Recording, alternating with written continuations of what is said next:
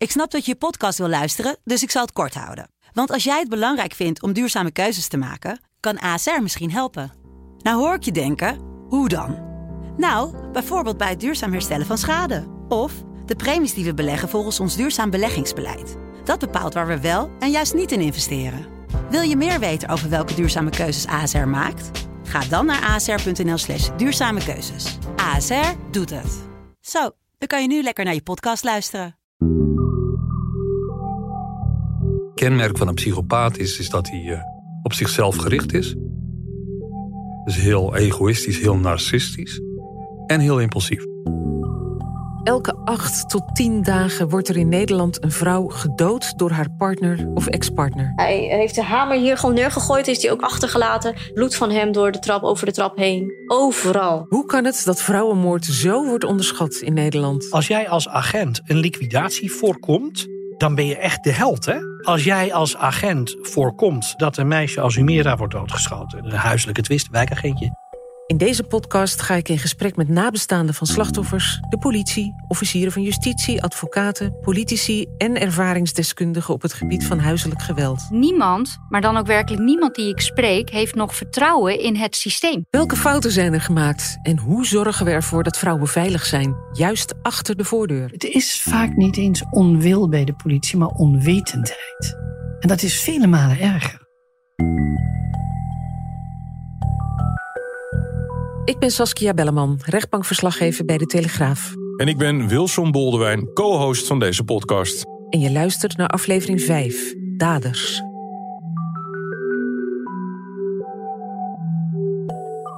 In de vorige aflevering hoorden we René Haring, het autoritaire type. Zijn wil is wet. Maar ik ben benieuwd, wat voor daders zijn er nog meer? Wat zijn dat voor mannen die hun vrouw mishandelen, stolken, bedreigen en soms zelfs vermoorden? Saskia, als jij die uh, vraag stelt, hè, door jouw werk, zie jij ze vaak fysiek? Bestaat er een type? Nee, niet echt. Ik zie eigenlijk allerlei type mannen in de verdachte bank zitten die, uh, die zich hieraan schuldig hebben gemaakt. Althans, dat moet dan de rechtbank natuurlijk nog vaststellen. Maar je ziet mannen die, die strijdbaar zijn en die zeggen van het is niet gebeurd. Ik was er niet, het moet iemand anders geweest zijn. Je ziet mannen die zeggen het was zelfverdediging. Ze kwam met een mes op me af en uh, er ontspon zich een gevecht en toen is ze per ongeluk geraakt. En je ziet ook mannen die uh, heel schuldbewust zijn en ja, zeggen dat ze het verschrikkelijk vinden. Dat ze de liefde van hun leven hebben verloren en dat dit nooit de bedoeling was, maar dat het wel gebeurd is. Ja, want enerzijds is het prettig dat het niet een bepaald type man is. Want, hè, want er kan ook weer discriminatie en dat soort zaken uit voortkomen. Of, of stereotypering, laat ik het zo zeggen. Anderzijds is het voor de opsporingsinstanties weer heel ingewikkeld. Want er is niet een bepaald type. Nee, en het is ook hartstikke verontrustend voor vrouwen natuurlijk. Omdat je niet kunt zeggen van nou dat type man, daar moet je mee oppassen. Wat je ziet is eigenlijk dat, dat iedere man zoiets kan doen. En dan doen ze het allemaal vanuit een ander soort motivatie. Maar iedereen is ertoe in staat, zou je haast gaan denken. En dat maakt het ook zo eng. Nou, in deze aflevering ga ik uitgebreid in gesprek met Erik Blauw. Erik heeft zich als forensisch psycholoog gespecialiseerd in stalking. En vanuit daar heeft hij ook onderzoek gedaan naar verslavingsproblematiek, huiselijk geweld en vrouwenmoord. Een onderzoek naar stalking. En dat is een onderzoek, eh, ja, een onderwerp wat je blijft achtervolgen, zeg ik altijd maar. Letterlijk. Ook verzamelt Erik informatie over een verdachte om te kunnen vaststellen welke problemen er bij deze persoon spelen. Hij maakt onderscheid tussen vier typen daders die in staat zijn om hun vrouw of hun ex-vrouw te doden. Te beginnen met de eerste categorie. Mensen hebben een normale relatie, zijn normale mensen. En uh, komen door bepaalde omstandigheden in een moeilijke situatie terecht. En als dan bij wijze van spreken een partner zegt van ik, ik, ik ga bij je weg. Dan is het in één keer een crisis. En vanuit een enorme gemoedsopwelling kan dan een, een partner, een man bijvoorbeeld, overgaan tot het doden van de vrouw. Zonder dat daar iets aan vooraf is gegaan, bedoel nee, ja, het zijn meer omstandigheden wat eraan vooraf is gegaan. Maar het is echt een crisissituatie dan. Ja, je ziet dat bij scheidingen, zie je dat. Ik ben Martin Bakker, werkzaam bij de politie-eenheid Den Haag. En ik werk aan het basisteam Zoetermeer. Gewoon een, een gezin wat gewoon uh, twintig jaar lang uitstekend gefunctioneerd heeft. Die bij de politie helemaal onbekend zijn. En daar ontstaat een scheiding. En nou ja, goed, bij elke scheiding uh, is er wel uh, discussie. Maar dat gaat daar dan toch wat verder. En daar zie je wel uh, of dat er vernielingen gepleegd worden of stolkingsgedrag ontstaat. Dat gebeurt. Ik heb daar meerdere casussen van gezien, helaas. als je dan ook onderzoek gaat doen, dan vind je eigenlijk niet geen psychische problematiek daar heel duidelijk aanwezig bij de dader. Maar zie je dat vooral die omstandigheden een belangrijke rol hebben gespeeld. En dan willen wij ook, uh, dat is ook de insteek van het Openbaar Ministerie, niet direct naar de strafrechtkant met zo'n man. Dat is niet de juiste weg op dat moment nog. Kijk, natuurlijk, als je denkt van dit gaat echt mis, dan moeten we het heel anders doen. Maar over het algemeen, en dan zijn dat mensen die we ook niet willen dat ze helemaal de fout ingaan. Want ze verpesten de rest van hun leven voor zichzelf en voor de kinderen, het hele gezin. Dus daar steken we ook wel op die manier op in. Saskia, als jij dit nou hoort, hè, is er dan een zaak waar jij dan meteen aan moet denken? Ja, ik moest eigenlijk meteen denken aan een zaak die zich een paar jaar geleden in Amsterdam heeft afgespeeld. Uh, waar Aaron S. zijn uh, ex-vriendin Emmy vanuit het niets leek neer te steken. En ook hij zelf begreep er eigenlijk niks van. Emmy had twee dagen daarvoor de relatie beëindigd. En ja, daar was hij verdrietig over. Maar het was niet zo dat hij enorm boos of emotioneel uh, leek. Hij besloot op een gegeven moment om haar spullen die nog bij hem thuis lagen bij elkaar te pakken en even naar haar toe te brengen. Ja, en toen gebeurde er iets. Hij zei dat weerzien met Emmy was zo anders dan ik had verwacht. Ze was koud en kil en het bracht me in complete verwarring. Het maakte me zo boos dat ik me niet kon bedwingen. En vanuit het niets stak hij haar neer. Eigenlijk was iedereen in zijn omgeving ja, totaal met stomheid geslagen. Er was geen historie van geweld, voor zover we weten. Hij had haar niet eerder mishandeld, dus dat leek gewoon volledig uit het niets te komen. Tweede categorie moet je echt beschouwen als wat meer de psychopathische dader. Dat zijn in principe mannen die heel gewelddadig zijn, die vinden dat de rest van de wereld er is om te misbruiken. En iemand moet dan in feite gewoon luisteren. En op het moment dat ze daar niet helemaal tevreden over zijn, dan kan er geweld optreden. Laten we even luisteren naar Cindy en René Haring. Hij heeft mij, ik weet niet eens om welke reden het was, heeft hij mij een keer een klap gegeven. Omdat ik het ergens niet mee eens was waarschijnlijk, want dat was het bijna altijd. En toen heeft hij me mijn haren gesleurd op de grond. Uh, in mijn eigen straat zelfs. Hij heeft mijn uh, blouseje opengetrokken, zodat ik uh, in mijn BH stond. En uh, zo moest ik lopen terug naar huis en hij heeft mij gewoon zo achtergelaten. Mijn wil was wet, punt. Ik was autoritair, ik bepaalde wat er gebeurde in het gezin. En als het niet gebeurde, dan waren er consequenties. En als er geweld optreedt, is er altijd het risico dat het geweld uit de hand loopt. En uiteindelijk iemand daardoor komt te overlijden. Van één klap werden er drie, een blauwe oog, een gekneusde rib. Het werd steeds erger. Totdat het zo erg was dat ik me gewoon niet meer kon vertonen buiten. Zij is uiteindelijk voor een kastdeur gaan staan. En ik heb van die kastdeur een gatenkaas gemaakt. Waar zij gewoon voor stond. En godzijdank heel blij heeft ze niet bewogen.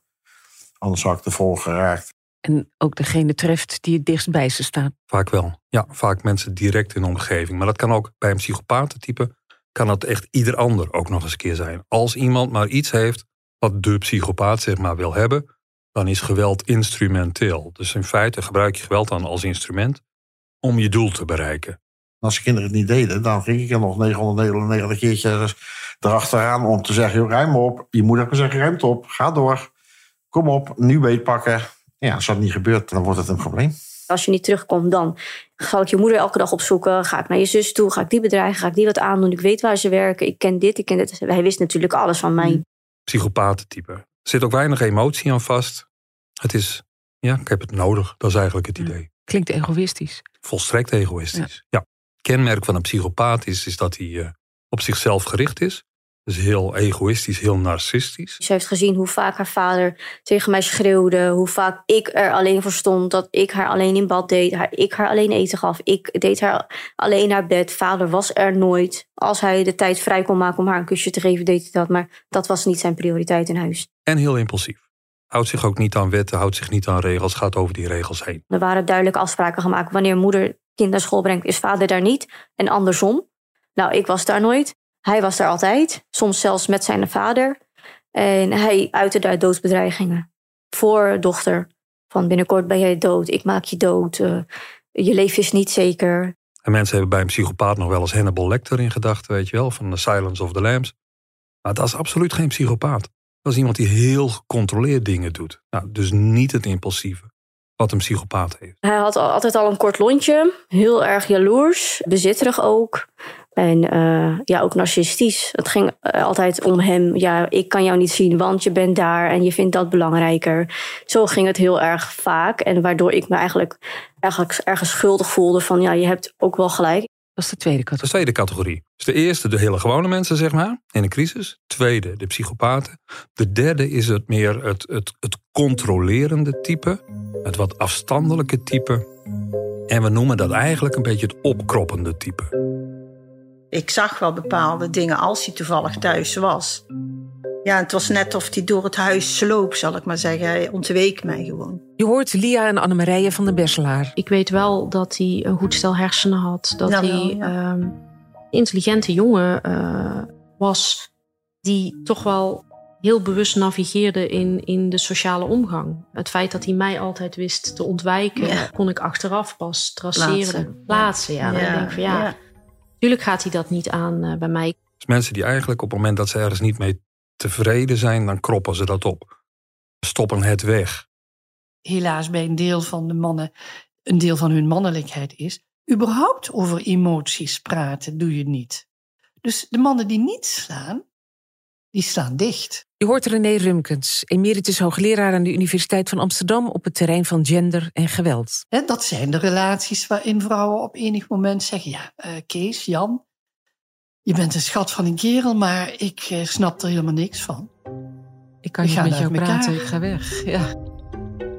Hij kwam zeggen van, eh, ik denk dat we het er nu al genoeg over hebben gehad. Het zijn wel heel veel emoties of zo. Zoiets zei hij. En ik zei, jij weet niet hoe ik mij voel. En achteraf gezien eh, heb ik daarbij stilgestaan dat ik dacht, oh, dat had dus blijkbaar niet gemogen. Want vanaf dat moment heb ik geen gesprek meer met hem gehad. Nee. Proberen wel iedere keer te controleren. Proberen wel zich iedere keer zo goed mogelijk te voelen. Maar als er dan irritaties op irritaties op irritaties zijn, dan komt het op een bepaald moment tot een geweldsuitbarsting. Nou ja, toen eh, die dochter één jaar werd, toen zou die wel bij het feestje zijn. Hè? En toen kregen we weer een app van, eh, ze had hem de deur uitgezet. De eerste nacht eh, toen ze hier was, toen zei ze, mam, hij is gevaarlijk. Saskia, het controlerende afstandelijke type. Dan moet ik eigenlijk meteen terugdenken aan die ex van Clarine van den Besselaar. En die horen we natuurlijk terug in aflevering 2. Ja, daar waren meerdere dingen waar je zo je vraagtekens bij kunt zetten. Dat controlerende aspect bijvoorbeeld. Dat bleek heel erg uit het feit dat zij om de 20 minuten een appje moest sturen naar hem om eh, haar liefde te bevestigen. En er werd ook naderhand eh, bij haar thuis een briefje gevonden waarop ze had opgeschreven, en dat vond ik ook wel tekenend, wat ze eigenlijk allemaal heel graag weer zou willen doen. En dat waren hele simpele dingen, zoals lipstick dragen, met vriendinnen uit eten gaan, niet meer geslagen worden, dat soort dingen. Waaruit dus wel duidelijk bleek dat dat allemaal niet kon. Dus het is bij wijze van spreken het sparen van zegeltjes in de supermarkt. Elke keer spaar je weer een zegeltje en op een bepaald moment wil je dat boekje inleveren. En als dat boekje dan in één keer niet kan worden ingeleverd, ja, dan is er een geweldsexplosie. En je kent het zelf misschien wel, dat mensen in één keer zijn gestopt met, of eh, bedrijven zijn gestopt met die, eh, die zegelboekjes. Ja, dan ben je geïrriteerd.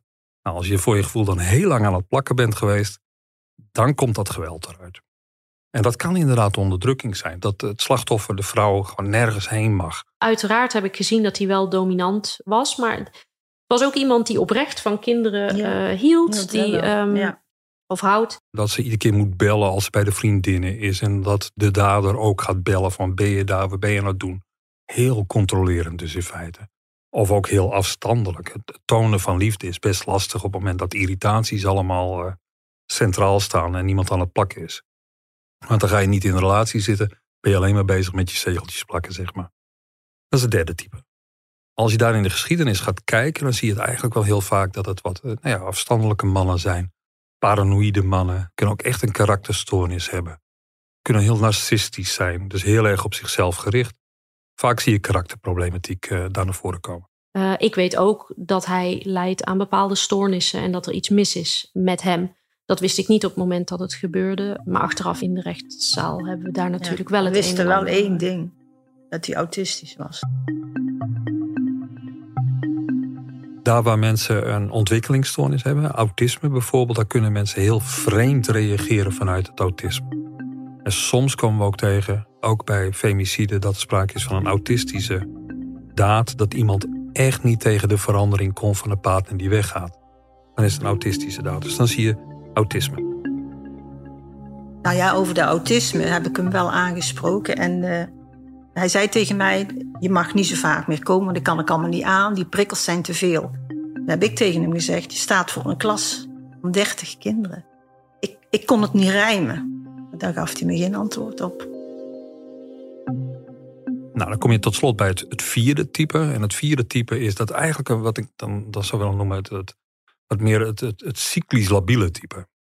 Dat wil zeggen, op moment van periode tot periode zie je dat in één keer heel veel emotie naar voren komt.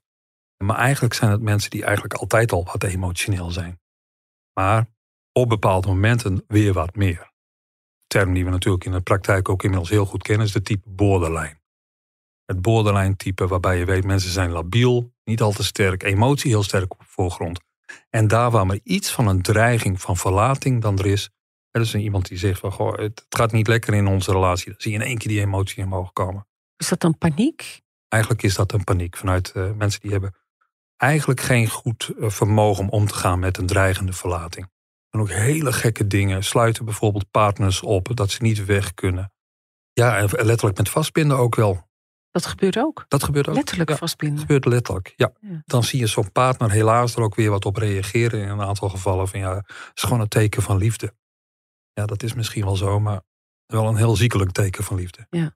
En dat is eigenlijk ook in die relaties zie je al, het klopt voor geen meter, het, het is niet goed. En het krampachtige voorkomen in de steek gelaten te worden. Dat zie je bij de dader. En bij het slachtoffer zie je dan eigenlijk vooral toch in dingen meegaan. Er niet voldoende afstand van nemen. Maar dat doen partners misschien ook juist om te voorkomen dat er een escalatie ontstaat. Ik kan me voorstellen dat je denkt van nou, hè, hij is nu in paniek of nu emotioneel. Laat ik maar even een beetje erin meegaan en misschien neemt het dan weer af. Is dat een verkeerde reactie? Nou, je hebt volledig gelijk, dat is vaak de reactie die er is. Maar op termijn ben je daardoor veel slechter af. Het cyclisch labiele type, hebben we daar een voorbeeld van? Ja, ik ben natuurlijk niet heel sterk in, in het indelen in categorieën. Dat kan eh, meneer Blauw beter. Maar er was niet zo heel lang geleden in eh, november 2023 een zaak in de rechtbank van een man. Die bleek al jarenlang een, een buitenechtelijke relatie te hebben met een vrouw. Hij was getrouwd, had vier kinderen. Mishandelde zijn vrouw, maar mishandelde ook zijn minnares. En die minnares die probeerde eigenlijk een einde te maken aan die relatie. Maar dat lukte haar niet. Hij was zelfs zo enorm eh, ja, controlerend en zat bovenop haar, bijna letterlijk. Dat hij eh, zelfs een keer haar heeft vastgebonden, een brandbare vloeistof over haar benen heeft gegoten en die in de fik heeft gestoken. Ja, en een aantal maanden later, toen ze toch weer een poging ondernam om een einde te maken aan die relatie, heeft hij haar doodgeschoten in het recreatiegebied Sparenwoude. Een paar uur nadat zij haar ouders had gebeld als de dood, toen stond ze al in een sloot hebben ze haar lichaam gevonden in die sloot, waar ze bleek te zijn doodgeschoten door hem. Nou, wat we heel veel tegenkomen bij juist huiselijk geweld en bij stalking. En nou, ik ben er haast van overtuigd, ook bij mensen die uiteindelijk daardoor om het leven komen, dus bij femicide. Op het moment dat er veel eerder duidelijkheid was gegeven, ik wil iets niet, dit is niet akkoord, eh, zouden een heleboel van deze gevallen voorkomen zijn geweest. Maar ja, dat vereist dus inderdaad een krachtige persoonlijkheid bij vrouwen die misschien al wel bedreigd worden of die al jaren onder een bepaalde druk leven. Ik kan me voorstellen dat het hartstikke lastig is om dan op een gegeven moment te zeggen van joh, dit wil ik niet, hou ermee op. Ja. Eh, zo gaan we niet met elkaar om. Ehm, dit klinkt bijna een beetje alsof je als partner misschien ook een beetje mede verantwoordelijk bent voor de uitbarsting die bij een man kan plaatsvinden. Of zie ik dat nou verkeerd? Klinkt heel cru, maar voor een deel is dat inderdaad zo. Eigenlijk maar op het moment dat, dat, mensen zeg maar een, een, een, een brug te ver zijn gegaan, ja, dan wordt het al heel riskant om dan er nog tegen in te gaan. Maar juist in die fase ervoor, dat zie je eigenlijk ook bij de eh, aanpak van stalking bijvoorbeeld. We hebben echt een stappenmodel daar ook. Waarbij we eigenlijk iedere keer een stapje verder gaan om te kijken van wanneer reageert iemand wel op de waarschuwing die we geven. Het begint eigenlijk altijd met gewoon stomweg de boodschap, ik wil iets niet. En die boodschap geven, ik wil iets niet. Ik ben het helemaal met je eens. Een heleboel mensen durven dat niet. Is ook eh, is enorm lastig als je weet dat geweld daarop volgt. En tegelijkertijd is het nodig. Er, moet een grens worden eh, gezet. Je hoort Annemarije. Wat ze wel deed was het reduceren van de problematiek, bijvoorbeeld naar mij toe. Dat ze zei van ja, ik heb toch al vier keer gezegd dat het echt over is, Oh, maar ja. hij lijkt het maar niet door te hebben. Dus ik zei, met mijn grote mond die ik altijd heb, moet ik even meegaan. Dan leg je wel weer een zware verantwoordelijkheid bij vrouwen, denk ik dan. Hè? Dat, dat, je een eh, dat je, dus, je, je geeft ze eigenlijk een soort gebruiksaanwijzing voor die man. Als je nou dit doet, dan loopt het misschien wel goed af. Nee, je hebt helemaal gelijk. Eh, Je legt zware verantwoordelijkheid bij de vrouwen, maar ook bij de mannen. Je legt het in feite in de relatie. Ellende met femicide, maar ook met, met mannen die gedood worden. Alles wat in die relatiesfeer zit. In verreweg de meeste gevallen is het de interactie die leidt tot het doden. Achteraf gezien heeft ze hem gewoon van alles verteld hoe ze er daadwerkelijk in stond. Dat ze echt niet meer met hem verder wilde, dat ze niet akkoord was met hoe hij zich gedroeg en dat ze er definitief een einde aan wilde maken met hem en dat ze alleen wilde wonen met haar dochter. Nou, dat is ook het moment geweest waarop de stoppen aan zijn kant Ja. doorsloegen. Dus het klopt, ik leg daarbij een hele zware verantwoordelijkheid bij eh, slachtoffers. Maar ook bij de daders. Daders willen het zelf ook niet. Nou, daar waar je in die interactie dus wat kunt ingrijpen. En dat is waar we ons ook enorm op richten nu vanuit politie, justitie, hulpverlening.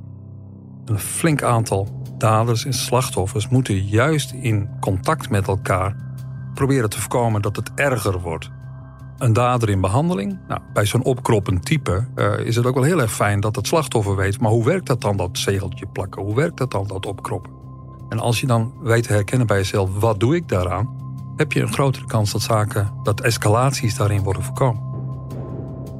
Ja, Saskia, dit is dan dat eh, omgekeerde wereldprincipe. Hè? Jij moet er alles aan doen om diegene maar te begrijpen. Ja, ja ik eh, heb daar eerlijk gezegd wel een beetje mijn twijfels bij. Omdat ik denk, ja, dan is het weer die vrouw die dus kennelijk allerlei dingen moet ondernemen om ervoor te zorgen dat hij niet ontploft.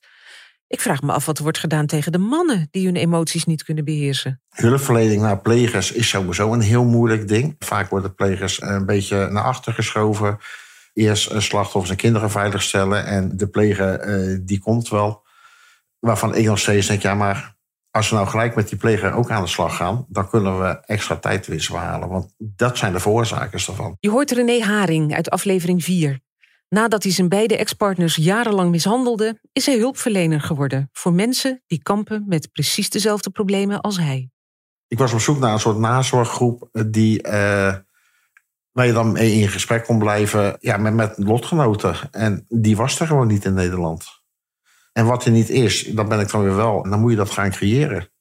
Dus ik heb uiteindelijk in 2016 mijn eh, eigen lotgenotengroep eh, opgestart. Agressie en daarna, ik vond het wel toepasselijk, want agressie was het probleem niet, maar juist een stuk daarna. Wat gebeurt er daarna? Wat komt er daarna? Wat moet je daarna? En eh, wat wij het allerbelangrijkste vinden, wij zijn geen behandelaars. En dat willen we ook niet. Wij willen gewoon gelijkwaardigheid, gelijkgestemde. Eh, gelijkwaardigheid is het allergrootste. Erkenning en herkenning. En, en dat geeft zoveel. En, en omdat je met zoveel mensen in zo'n groep zit en ieder een eigen ervaring heeft, gaan wij niet zeggen: dit moet je doen. Nee, bij ons heeft dit geholpen, bij mij heeft dit geholpen, bij een ander heeft weer iets anders geholpen. En dan heb je drie, vier mogelijkheden. En probeer er eens één op een andere manier. En, en als het niet gelijk lukt, is het niet erg, maar bel anders nog eventjes. Zoek even contact op. En dan zie je gewoon dat het eh, overgelopen emmertje het toch wel steeds leger gaat worden. Want over je problemen praten en uiteindelijk ook steun vinden in mogelijkheden. Ja, dat is helpend om je agressie eh, steeds meer af te bouwen. En vind jij dat dan mannen zelf die stap moeten zetten? Of vind je dat het ook mogelijk moet zijn dat de politie doorverwijst naar jullie? Dat misschien een rechtbank iemand in een veroordeling opdraagt om zich aan te sluiten bij zo'n lotgenotengroep? Of Nou. zeg jij van nee, het moet vooral laagdrempelig blijven en het moet het initiatief van die mannen zelf Ik zijn? ga, ik ga eerst vragen waarom mannen. Want er zijn ook vrouwen, bedoel je? Want er zijn ook vrouwen. En die zijn ook welkom. Ik vind dat die absoluut welkom moeten zijn. Uiteindelijk had ik mannen supportgroep. Dat heb ik moeten wijzigen in alleen maar supportgroep. Omdat ik tegenwoordig ook vrouwen in de supportgroep heb. En dan denk ik van vrouwen kunnen ook daadwerkelijk pleger zijn. En die willen daar ook best wel uitkomen. En als je dan gaat kijken wat dan, hoe dat dan gaat tussen mannen en vrouwen. En dan zie je weer dat iedereen heeft hetzelfde probleem. Iedereen is gelijk. En dan maakt het niet uit of je man of vrouw bent. En wat is datzelfde probleem? Dat we een agressieprobleem hebben. eh, Dat we eh, dingen doen met onze partners waar we eigenlijk niet trots op zijn. Waarvan we wel anders willen, maar niet weten hoe. Dan terugkomend op jouw vraag politie, OM en dergelijke rechters. Nou, ik zou er heel blij van worden als juist ook die organisaties veel laagdrempeliger gaan zeggen van joh, weet dat er hier in de regio of eh, ergens anders mogelijkheden zijn. Dat ze wel daardoor geïnformeerd kunnen raken vanuit politie door folders. Ik heb, ik heb, vorig jaar heb ik mijn uh, eigen plegerfolder ontwikkeld, omdat die in Nederland er niet is. Dus een pleger kan nergens informatie krijgen over uh, wat je doet, hoe je het kan herkennen en dat soort dingen. En dat vind ik toch wel een gemis. Als je nou kijkt hè, naar de René van ehm, zeg een jaar of tien, eigenlijk nog korter terug. Als ze jou hadden verteld op het politiebureau van joh, we kunnen je niet opsluiten in de cel, maar daar is zo'n supportgroep, ga daar eens naartoe. Zou je dat gedaan hebben? Ja, ik denk het wel. Want ik zei, je, was niet nog in de fase dat je dacht, nou, uh, zoek je Nee, nee want ik, kwam, ik, ik, kwam daar van, joh, zet me vast, ik ben gewaar voor mezelf. En, en, en ik heb op een gegeven moment ook uh, zitten nadenken van, joh, als er toen al een, een crisisteam was, waarvan je zegt, daar kan je heen, daar kan je je verhaal vertellen. We weten inmiddels, uh, tijdens of direct na een incident, is uh, de bereidwilligheid tot hulp het allergrootste. Ja. Dat was dus bij mij ook zo, want ik wilde echt wel uh, iets eraan gaan doen. Als je bij zo'n crisisdienst zou zijn geweest, dan had je in ieder geval een bak koffie kunnen krijgen. je had je verhaal kunnen doen. Ze hadden je naam, adres, alles lag dan op een gegeven moment heel snel op papier.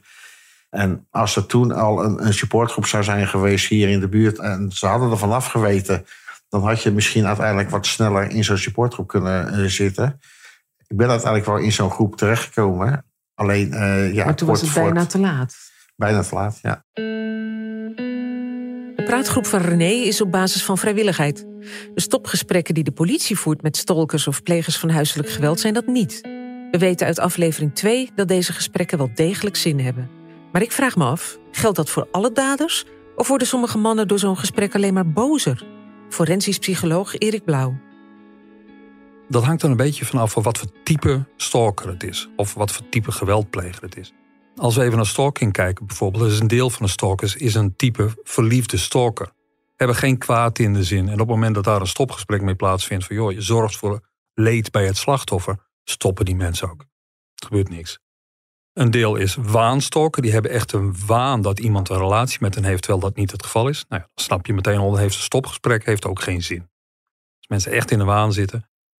Ja, een waanstalker. Saskia, dan moet ik een beetje denken aan de beruchte Tindermoord. Ja, ik denk inderdaad dat die wel past in, uh, in dat beeld van een waanstalker. Daar ging het om een jonge Thomas R. Uh, die verliefd was geworden op een studenten, Mieke. En ja, hij had zich in zijn hoofd gehaald dat hij een relatie met haar had. Terwijl zij duidelijk maakte dat dat niet het geval was. Dat ze hem zag als een vriend en dat ze eigenlijk best wel leuke dingen met hem wilde doen, maar geen relatie met hem wilde. Ja, en dat accepteerde hij niet. Hij heeft eigenlijk uit alle dingen die zij zei of deed, iedere keer als ze, als ze wel bereid was om met hem af te spreken, putte hij daar hoop uit en dacht hij toch nou, misschien zit er toch meer in en misschien zit er toch wel een relatie in. Ja, terwijl ze een relatie had. Ze had een relatie. Een vriendje gewoon uit de studentenwereld. Ja, precies. Ja, en dat ontdekte hij op een avond waarop zij had gezegd dat ze niet met hem wilde afspreken, dat ze ziek was. Hij is toen naar haar studentenpand gegaan, zag dat daar een feestje gaande was. En hij zag dat Mieke danste met haar vriend. En ja, toen sloegen de stoppen door. Hij is naar binnen gegaan uiteindelijk, uh, diezelfde nacht of later? Hij is eerst naar huis gegaan. Hij heeft een, uh, ja, een soort molotov cocktail daar in elkaar geknutseld. Is toen weer teruggereden naar dat uh, studentenhuis heeft brand gesticht aan de zijkant van dat pand, waardoor de aandacht van alle mensen in dat pand naar die brand uitging. En ondertussen is hij via de regenpijp en het balkon naar binnen geklommen. En heeft hij eh, zowel Mieke als haar vriend aangevallen. Nou, voor Mieke liep dat fataal af. Die overleed eigenlijk vrijwel onmiddellijk. En haar vriend raakte zwaar gewond. Hij heeft het overleefd, maar ja, vraag niet hoe. Wat heel eng eraan is, is dat iemand dan vanuit een soort van gekte of een, of een storing, moet ik het eigenlijk noemen, dat hij zo gedecideerd is. Hè? Ja. Ja, hij was er zo van overtuigd dat Mieke hem eigenlijk besodemieterde. Terwijl dat natuurlijk niet zo was. Ze had geen relatie met hem. Maar ja, hij had zich in zijn hoofd gehaald uh, dat dat wel zo was. En dus moest ze gestraft worden. Daar kwam het op neer. En er is een categorie, die is de sadistische stalker. Die is er eigenlijk op uit om een slachtoffer af te breken. Nou, op het moment dat je daar een stopgesprek mee houdt, dan leidt dat alleen maar tot verergering van de stalking. Je hoort Lucendi. Kijk, want hij had al een andere vriendin. Daarom is het, ja, daarom is het uitgedaan. Hij had een andere vriendin. Dus hij wilde eigenlijk van twee kantjes eten. En dan maakt ze het uit. En dan is hij alsnog boos. die grootste categorie is die ex-partnerstalker. De meeste ex-partnerstalkers is ook eerder sprake geweest van huiselijk geweld. Dus die categorieën die overlappen elkaar. deel ervan, die ex-partner stalkers, die wil wraak nemen. Nou, een stopgesprek levert dan de situatie op dat ze moeten denken van... ja, als ik nu doorga, loop ik eventueel het risico dat ik gevangenis ga. Maar als ik doorga, vind ik het eigenlijk ook, ook wel fijn. Want dan is die wraak toch wat meer. Nou, dat moeten ze dan echt tegen elkaar afwegen. Je hoort Cindy. Hij is ook eigenlijk een slachtoffer van zichzelf. Hij, in zijn brein werkt het alleen maar om wraak, om boosheid, om kwaadheid, om alleen maar woede zit er bij hem. En als daar een dreiging komt die hoger is dan het voordeel van de wraak, dan stoppen ze. Als ze een andere inschatting maken, dus dat ze zeggen: ik vind het gevoel van wraak vind ik prettiger dan eigenlijk de straf die me boven mijn hoofd hangt, gaan ze door. Want dan in feite op het moment dat mensen daar gestraft worden, dus bijvoorbeeld gedetineerd raken, dan is er nog een extra reden om wraak te willen nemen. Dus dat is precies die, die dynamiek die je dan niet wilt hebben. En hij heeft ook beweerd dat hij mezelf heb neergeknald. Ook weer aan het telefoongesprek met zijn uh, ouders. Ja. Ik heb het gedaan, heeft hij gezegd. En ik heb verrast bij dat het niet gelukt is. Je kunt beter dan in feite iemand dat boven het hoofd laten hangen, dreigende straf, dan dat iemand de straf al achter de rug heeft. Want dat leidt alleen maar tot verergering van die wraakgevoelens. Hij zat me daar ook heel erg uit te dagen van ja, mevrouw die is uh, niet goed bij de hoog, ze is manipulatief, ze moet onderzocht worden, ze is psychisch gek. Kind moet aan mij worden toegewezen. Als ik in haar positie zou zitten, zou ik wel toestemming geven om haar familie te zien van moeder. Mijn familie mag haar niet zien. Terwijl hij, hij projecteert alles op mij. Ik heb alle regels bepaald. Ik bepaal hoe alles in zijn werking gaat. Ik bepaal dat hij in de gevangenis zit. Heleboel ex-partnerstalkers die stalken omdat ze eigenlijk die relatie weer willen herstellen. Die willen helemaal niet dat die relatie uit is. Maar we zijn eigenlijk als, als mens proberen we de ander ook een beetje te sparen. Ik denk dat de luisteraars, nou de meeste ervan, zullen in ieder geval ook wel eens een keer mee hebben gemaakt dat een relatie werd beëindigd. En dat is dan veel meer in termen van, nou ja, het is beter om elkaar even niet meer te zien. Het gaat even niet zo goed met ons. Het is beter om even afstand te nemen. Om maar niet te hoeven zeggen, ik zet er een punt achter en uh, ik wil gewoon geen relatie meer met Precies, je. Precies, want ik heb drie keer het woord even gebruikt. En als je goed luistert als stalker en je denkt, nou ik wil die relatie weer herstellen, even, even, even. Oh, dat betekent dat ik contact moet blijven houden. En dat is precies de boodschap die je dus niet wil geven. Als je de boodschap geeft, het wordt nooit meer wat tussen ons. Ik wil het bij hier afsluiten en nooit meer een relatie met je hebben, is volstrekt duidelijk. Alleen is bijna niemand van ons die dat op die manier zegt richting iemand waar we ja, net mee aan het breken zijn. Nou ja, het is natuurlijk ook he, dat je misschien wat medelijden voelt en misschien ook het gevoel hebt, he, we hebben ooit van elkaar gehouden, dus je wil de boodschap misschien wat verzachten. Maar Ja, jij zegt eigenlijk, Ja, logisch. dat is hartstikke fout, moet je niet doen, wees Nou ja, helder. in, in termen van menselijkheid is het gewoon hartstikke logisch. Is het precies het juiste wat je wilt doen. Want het beëindigen van een relatie is ongelooflijk naar iets. Zeker voor een slachtoffer. En je wilt iemand sparen. Maar als het nou net verkeerd wordt geïnterpreteerd... Ja, dan is de duidelijkheid eigenlijk te prefereren boven het sparen. Dus wat je dan wil doen is gewoon eerder de boodschap duidelijk geven... dan het sparen.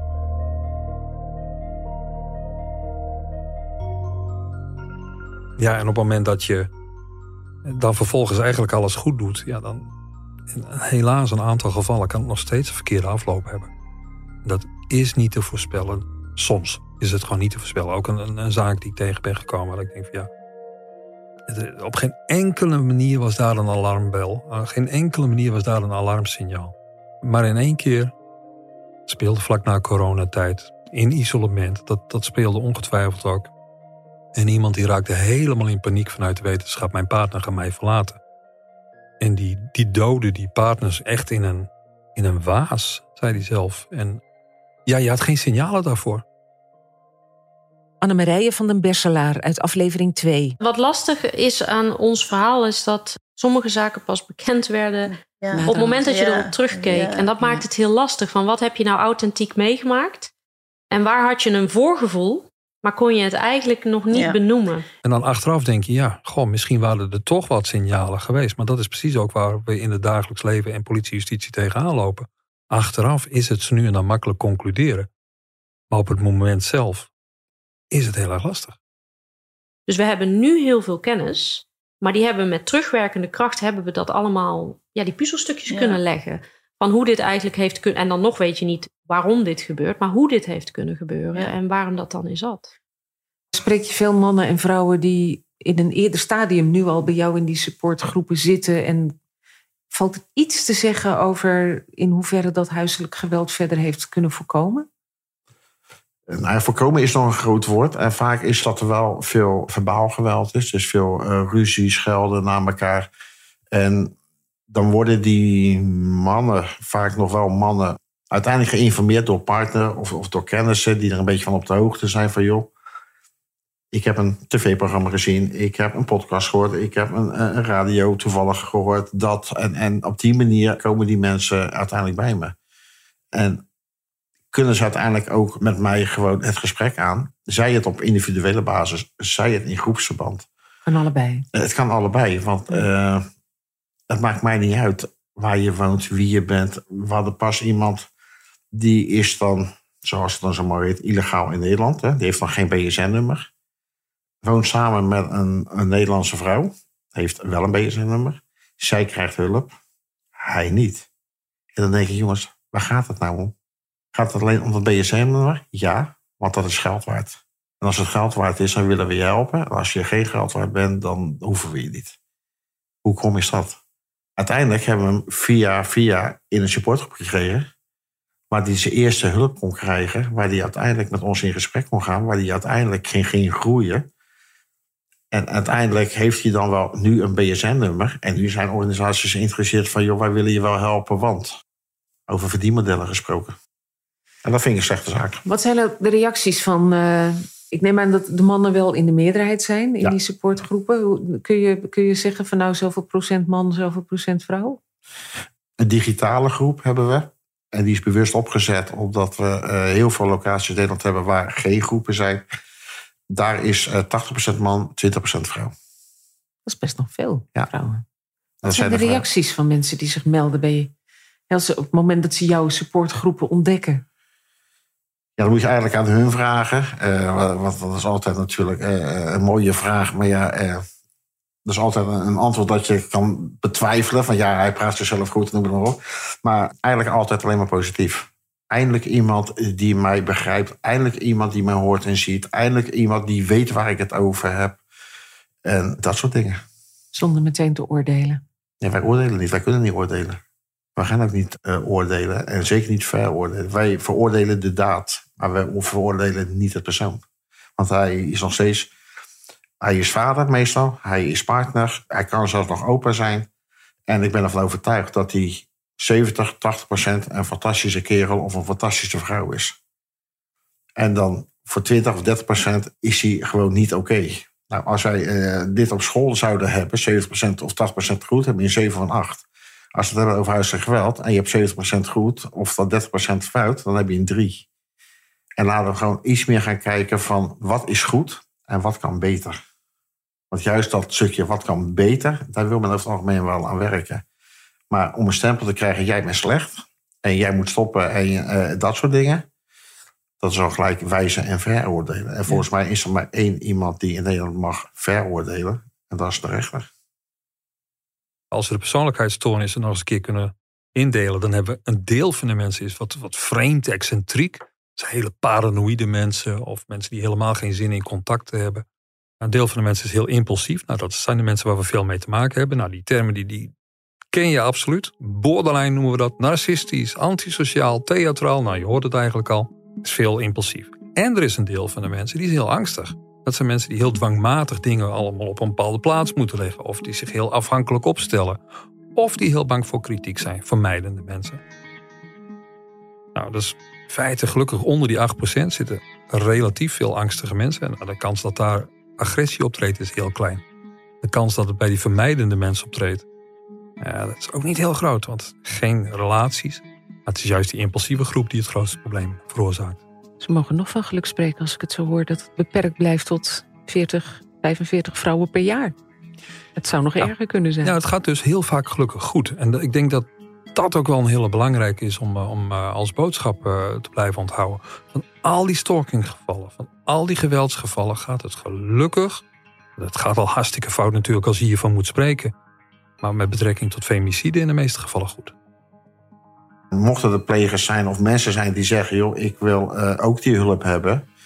Weet dat wij altijd bereikbaar zijn. Uh, ik zeg tegen alle mensen die in supportgroepen zitten: ik ben dagelijks tot tien bereikbaar. En dat is ook dagelijks tot tien, ook in het weekend. Want dan gebeurt de meeste ellende. En uh, Als het moet, ook om 12 uur. En, dat is dan tevens weer de kracht van de groep. Ik heb mensen gehad die zeggen, joh, 12 uur s'nachts, help, wat gaat niet goed. Binnen twee minuten heeft iemand aan de lijn uit de groep. En hoe uh, kunnen ze jou bereiken? Mij kunnen ze gewoon bereiken via de gegevens die algemeen bekend zijn van mij. Dan kun je gewoon naar mijn website www.agressieendana.nl. Daar staan mijn gegevens al op bij contacten. Maar het belangrijkste is, is dat uiteindelijk uh, mensen hulp krijgen van gelijkgestemden uit de groep die bekend zijn. En daar kan ik alle trots op zijn. René Haring heeft zijn leven gebeterd. Hij heeft lessen getrokken uit zijn verleden en zijn ervaringen omgezet in iets positiefs. Politie, Openbaar Ministerie en Veilig Thuis stonden in 2018 voor een soortgelijke opdracht. Na de moord op Humera in Rotterdam bleek dat zij ernstig tekort waren geschoten in het beschermen van de 16-jarige scholieren. Iedereen beloofde beterschap. Wat is daar vijf jaar later van terechtgekomen? Dat hoor je in aflevering 6 van Zij is van mij. De lessen van Humera. We hadden meer kunnen doen. Politie had meer kunnen doen. Veilig Thuis had meer kunnen doen. We hadden allemaal echt meer kunnen doen. En ook beter met elkaar kunnen samenwerken. Ja, dat is daar natuurlijk uh, vreselijk verkeerd gegaan. En daar hebben we ook veel van geleerd.